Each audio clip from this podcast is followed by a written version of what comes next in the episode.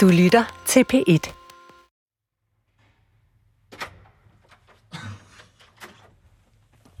Ja, hallo. Uh, uha.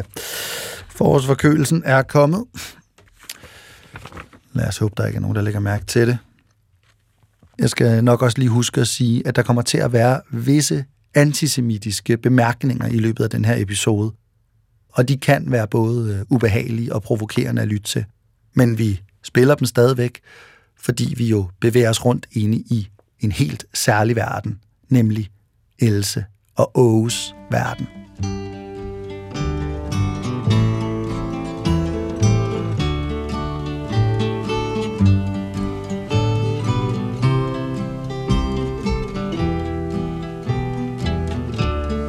Du kan godt forestille dig det her billede. Et midaldrende ægtepar sidder på hver sin side af et kaffebord. Pænt opdækket med blødt brød, ost og smør og kager med creme. Det er søndag formiddag. En solstråle skinner ind gennem vinduet, så man kan se støvpartiklerne danse i det gyldne skær over det veldækkede bord i køkkenet. Fra stuen kan man høre Bornholmer-uret tikke. Et baggrundsbeat til ægteparet, der slubrer kaffe og smasker, imens de tykker på det hvide brød.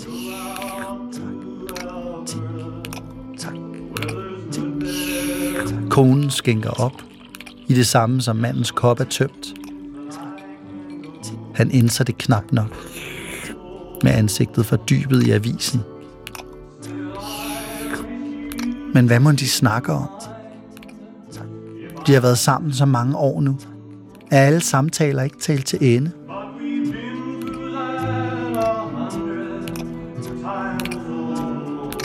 De har ikke engang nogen børn eller børnebørn at bruge deres tid på. Ah, det lyder lidt trist, ikke?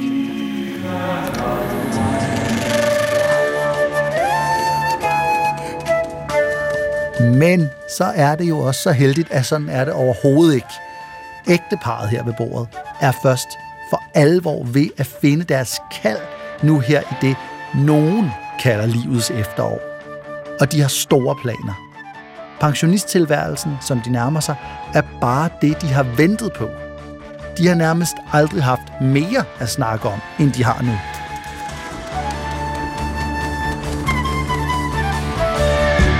Du lytter til De Lovløse. Jeg hedder Emil, og så videre, og alt det der, det ved du jo godt, hvis du har lyttet med ind til nu.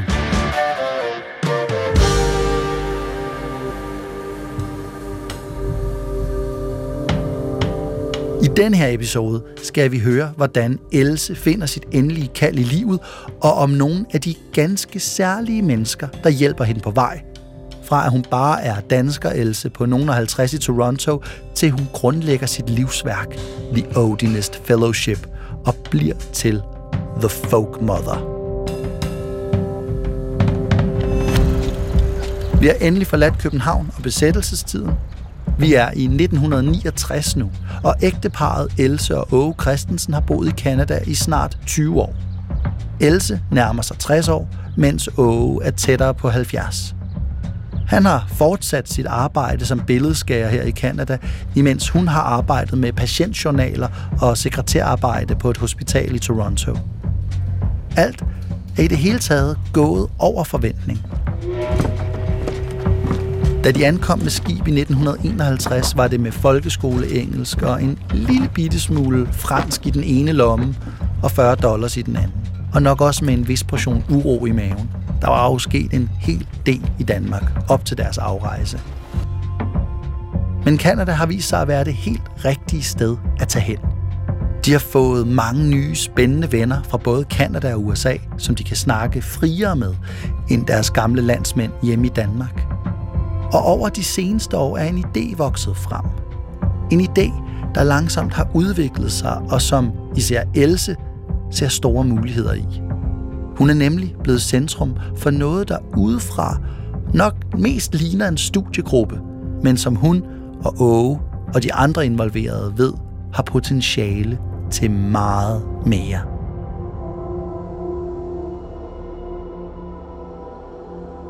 Okay, vi lader lige stillheden sænke sig. Og så kan vi begynde at bygge op igen. Sådan lidt pompøst.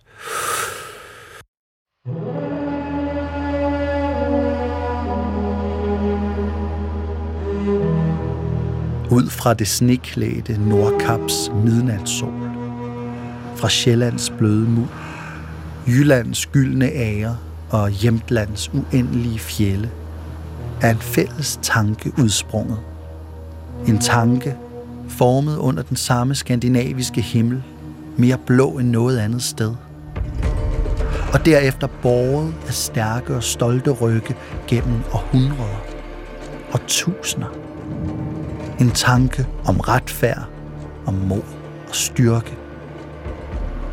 En tanke, som i mange år har været underkudet, undertrykt, glemt i sit fædrene Skandinavien, men som nu er blevet bragt over havet.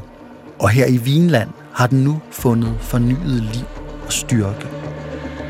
Odins slægt har der rejst sig. The Odinist Fellowship har set dagens lys. Eller sagt lidt mere simpelt, i Nordamerika har en flok ligesindede, mange af dem med et eller andet tilhørsforhold til Skandinavien eller Norden, fundet hinanden. De snakker om de islandske sagaer, om ædagerne, myterne og filosoferer over, hvad det er, der adskiller dem og deres ophav fra alle andre. Og så sukker de også over alle deres forfædres værdier fra oldtiden, som nu er gået fuldstændig tabt i den moderne eller postmoderne verden. Og The Odinist Fellowship er ikke bare en læsegruppe. Det er også en åndelig rettesnor. Man søger visdommen i fortidens mytologi. Men er det så også en religion? Det kommer det i hvert fald til at blive. Men for Else er det mest af alt et vækkelsesprojekt. Starten på en ny æra, hvor det nordiske folk igen kan rejse sig og udleve sit mageløse potentiale – det er herfra, at en revolution for både menneskesamfund og menneskeånd vil kunne sprede sig ud over hele det nordamerikanske kontinent og overvinde den depraverede kapitalistiske, blødsøden kristne, snu jødiske og individhadende kommunistiske sygdom, som den vestlige verden lider under. Og til det formål har hun brug for Odin. Åge har været bit af vikingernes liv og den nordiske mytologi længe inden han mødte Else. Det var måske endda Torshammerne og billederne af Hugin og Munin, der for alvor gjorde nationalsocialismen interessant for ham i første omgang for snart 40 år siden. Alure, vikingskibe og en runesten med indgraveret hagekors. Men alligevel har han aldrig for alvor kædet sine politiske idéer sammen med den nordiske mytologi. Det har mest været sådan symbolsk. Men Else har fået færden af noget, som har ændret det hele. Og pludselig ser de nogle sammenhænge, som de ikke så før. Og nu er det så Elses opgave at få andre folk ind i lyset. Og hvordan er det så gået til? Jo, vi skruer tiden lidt tilbage. Bare nogle få år. Måske til 1965.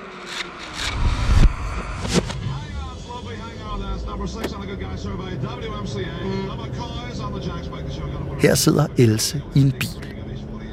Hun har kørt næsten 700 kilometer. Men nu er hun også snart fremme. Hun har kørt over den amerikansk-kanadiske grænse, forbi Niagara Falls og igennem et hav af småbyer og forsteder i staten New York. Hun kører ind i Kingston, en by med en del gamle bygninger fra 1600- og 1700-tallet i viktoriansk stil. Den er ikke særlig stor, og der bor små 30.000 mennesker. Men en af de mennesker her er hendes kontakt. Hun parkerer bilen, finder den rigtige opgang og ringer på. Det er en velklædt mand med briller, der åbner døren og viser Else ind. Han hedder James Warner, og inde i hans reol står der nogle bøger, som Else måske altid har manglet, uden helt at vide det. Og det her møde og de her bøger kommer til at ændre alting for Else. Men ham her, James Warner, som hun nu står hjemme hos, han er ikke en her hvem som helst. Og det er heller ikke hvem som helst, som kan tillade sig at opsøge ham. Så det, at Else står her i hans stue, fortæller altså også en hel masse om, hvad det er for nogle typer, Else opsøger. Og hvad det er for nogle typer, der lukker Else ind allerede her i 60'erne, hvor ingen ellers har hørt om den midaldrende danske kvinde.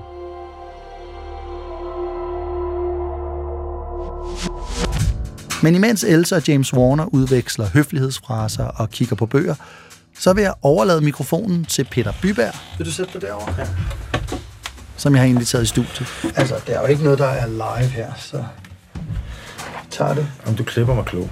Ja, ja. ja. Klipper dig klog og passende. Ja. Øhm, Og passende, det kan jeg godt lide. Nå, men du kan præsentere mig, som du vil. Altså, jeg er jo religionshistoriker med interesse for nazi-okkultisme ting der. Ikke? Der har jeg et blødt punkt for den slags. Ikke? Må du godt sige. Så ved jeg ikke, om du vil fortælle dem, at det er mig, der har fundet historien til dig, eller ej. jo. det vil jeg fortælle. Ja. Eller det havde jeg tænkt mig at sige. Det er dig, der bragte mig på sporet af Else Ja, i tidernes morgen. Ja. Den er god nok.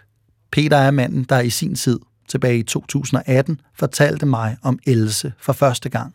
I en helt anden sammenhæng i øvrigt. Og nu har jeg så inviteret ham her ind i studiet for blandt andet at forklare os, hvem denne her herre, der ikke er her hvem som helst, så er. Lad os starte med den mand, som på sin vis får Else på sporet af Odin for alvor. den er jeg med på. Hvem er det? en fyr, der hedder James Warner. Der, hvor vi møder ham første gang, er i øh, 1958. Han er født i 1939, han er 19 år gammel. Og øh, der sender han et øh, naziflag med posten til en fyr, der hedder Rockwell. I say to you, ladies and gentlemen, that if you will stick together, we can have our country once again free. We can have it once again white.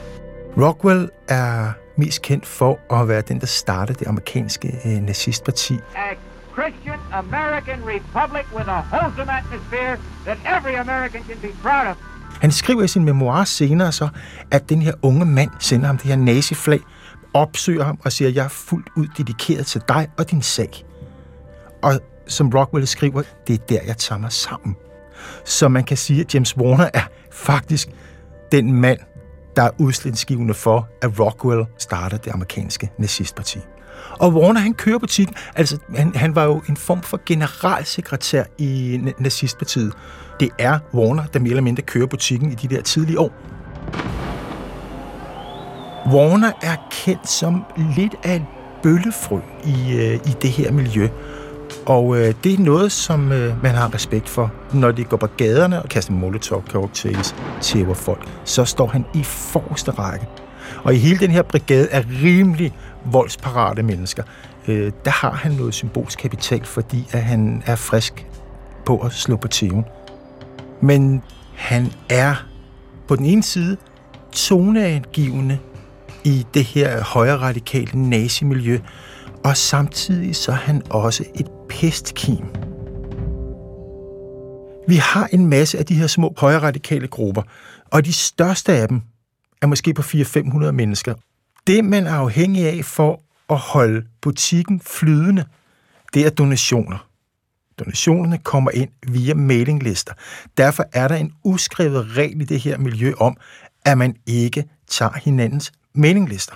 Altså, så mailinglister betyder adresselister. Adresselister, ja. Og øh, man kan sige, at det skider James Warner på. Vores ven Warner stjæler medlemslisterne for det amerikanske naziparti. Okay, altså. Warner er blevet træt af det amerikanske nazistparti. Men han er ikke færdig med politik. Så han stjæler altså nazisternes medlemslister, så han nu har adresserne på alle folk, der har været med der. Og så tager han de her adresser med over til en konkurrerende racistisk og antisemitisk gruppe. Og igennem de næste mange år bliver det nærmest en sport for ham. Han er rimelig rock and roll. Han shopper rundt mellem forskellige yderligtgående grupper og partier. Alle mulige højre radikale, KKK, øh, antisemitiske, nazi, øh, fascistgrupper.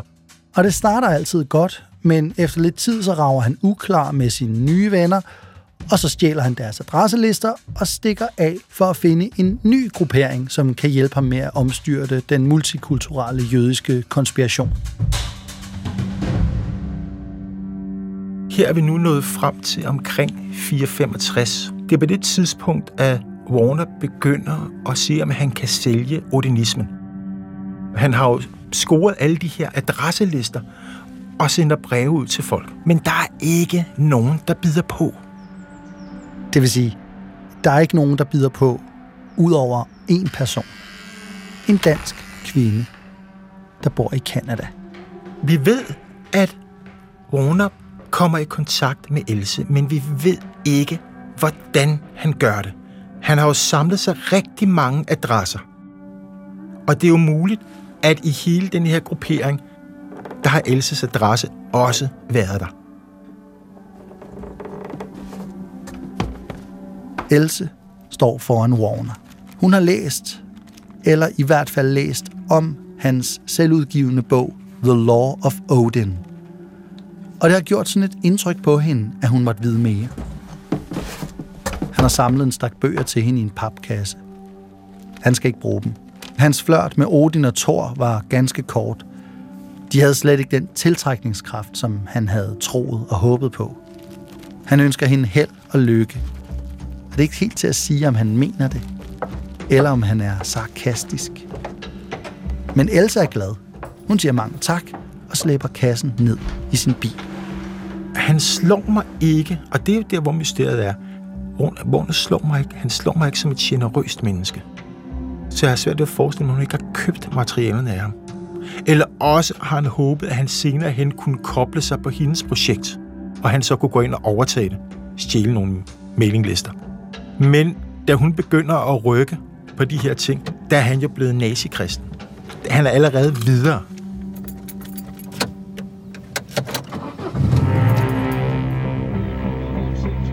Da Else sætter bilen i gear og begynder rejsen hjemad, er hun stadig ikke klar over, at hun lige nu har bagagerummet fyldt med de puslespilsbrikker, hendes tilværelse altid har manglet. Bøger om Odin, vikingekrigere, de stolte og stærke ariere, overmennesker og en ny raseren samfundsorden. Det er oversete bøger, der bare har ventet på, at den helt rette person skulle dukke op og åbne dem og forstå dem og få spredt idéerne og få dem ført ud i livet. Af alt det materiale, som Else får og Warner, så er der en, der stikker ud og som får en rigtig, rigtig stor betydning for Else Christensen og den ordinistbevægelse, hun starter op. Det er en fyr, der hedder Alexander Rod Mills. Det sjove er, at der nok ikke vil være ret mange, der vil kende ham i dag, hvis det ikke havde været for Else. Han er sådan en lille, lavstammet, tyk skaldet mand. Ser egentlig meget til forladelig ud. Han er australier. Han er advokat, men han gider ikke rigtig at arbejde som advokat, så han begynder at tage på en, en øh, dannelsesrejse i 1931. Han tager så til, øh, også til Tyskland, hvor han tager ind i øh, nazisternes hovedkvarter og møder Adolf Hitler. Og han beskriver uh, Hitler som venlig, charmerende og anerkendende. Så vender han tilbage til Australien i 1934 og laver så denne her øh, Odinskirke. Hvor kommer det Odin fra? Ja, det må du. Der er jo øh, fortilfælde i nazismen øh, for de her ting. Altså sådan noget Wotan-pagant, asa-odins ariske ting. Det bliver i hans optik til, at visse religioner er egnet for visse mennesker. Og det, som den hvide race skal dyrke, er Odin.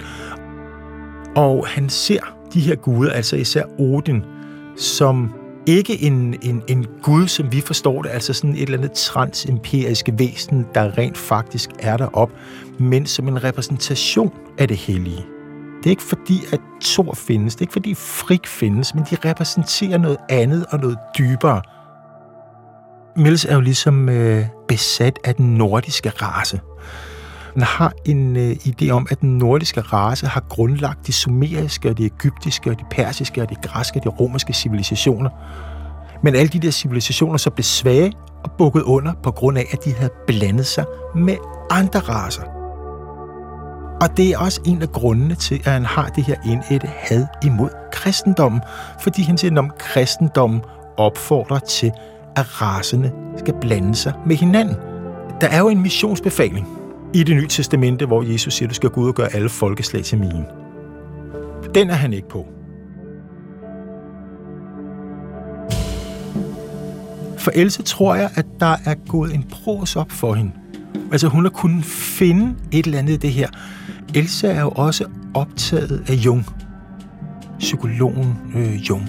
Og det, som Mills propaganderer for, er jo for det første, at de her guder er repræsentationer af det hellige. Og det resonerer jo meget i Jungs idé om, at der er de her arketyper. Det er den ene ting.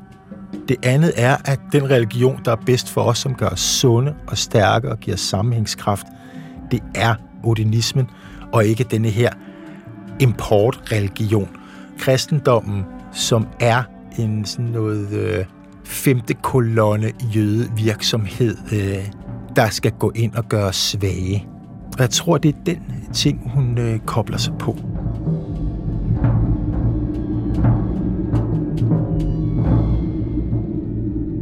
Okay, det slår mig lige, at det, vi har gang i her, jo i virkeligheden er en slags origin-historie. Den storslåede beretning om, hvordan den ganske almindelige pige, Else Christensen, født Oksner fra Esbjerg, blev til hele verdens odinistiske folkmother. Altså ligesom historien om, hvordan Bruce Wayne blev til Batman, eller sådan noget i den stil. Og der, hvor vi er nået hen til historien, det er jo så vendepunktet. The point of no return. Og det er de bøger, som James Warner har givet til Else, der forårsager selve forvandlingen. Mutationen, der giver superkræfter, og som får det gennemsnitlige menneske til at blive ekstraordinært. Peter Parker bliver bidt af en edderkop, rap, Spider-Man. Og så skal der bare lige sys en passende superheltedragt for at fuldende den nye personlighed. I'm Batman. The Batman. The Joker. The Folk Mother. Det er der, vi er nu med Else.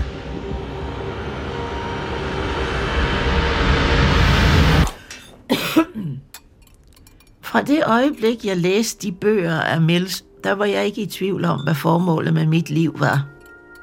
Ahaha. I troede måske, jeg havde glemt Else, der sidder og snakker med Thor Sandhed i en trailerpark i Florida mange år efter. Det havde jeg overhovedet ikke. Ja, måden jeg blev introduceret til odinisme på, det var igennem en ven, der havde kontakt til James Warner. Det var ham, der havde alle bøgerne. Så vi kørte til New York for at snakke med ham, og så fik jeg bøgerne. Men meget af det, som Else fortæller om odinismen, er noget, hun har skrevet og sagt i andre sammenhænge end den samtale, hun har med Thor en solrig majdag i 1993. Og Warner har godt nok bevæget sig væk fra odinismen efterfølgende. Men nu gør han et godt stykke arbejde i en fundamentalistisk Christian Identity Church. Så vi må lige skifte baggrundslyd.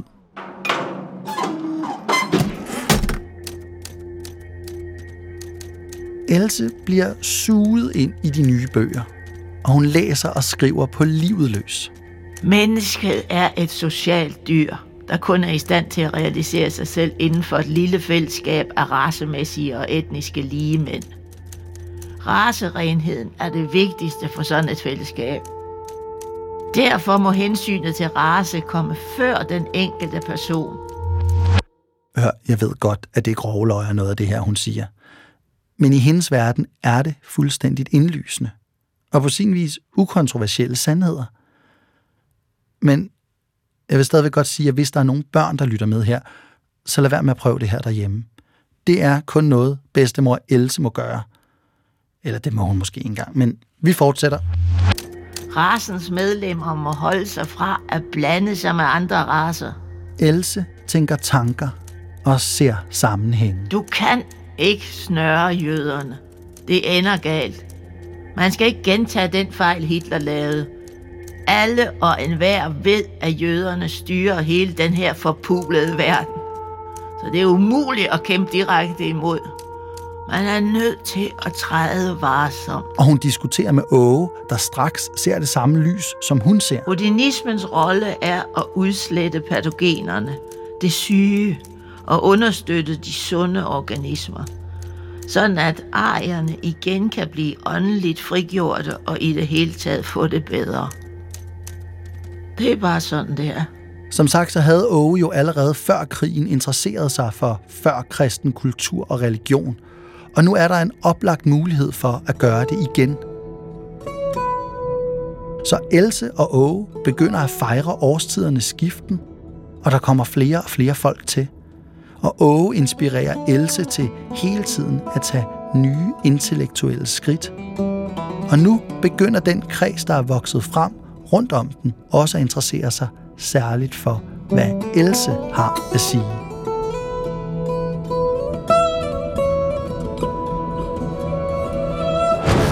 Men ligesom i oprindelseshistorien, som hører til en superhelt eller en superskurk, Else deler jo vandene, der er det centrale spørgsmål jo, hvor drivkraften kommer fra. Traumet, der nærer motivationen. Batmans forældre bliver dræbt af gangster. Jokeren får vandsiret sit ansigt, da han falder ned i en beholder med kemikalier. Det ændrer dem for altid.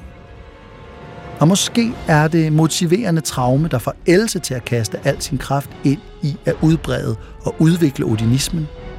At manden, der har lært hende at tænke, hendes livsledsager, den politiske entreprenør og opportunist, Åge, han dør.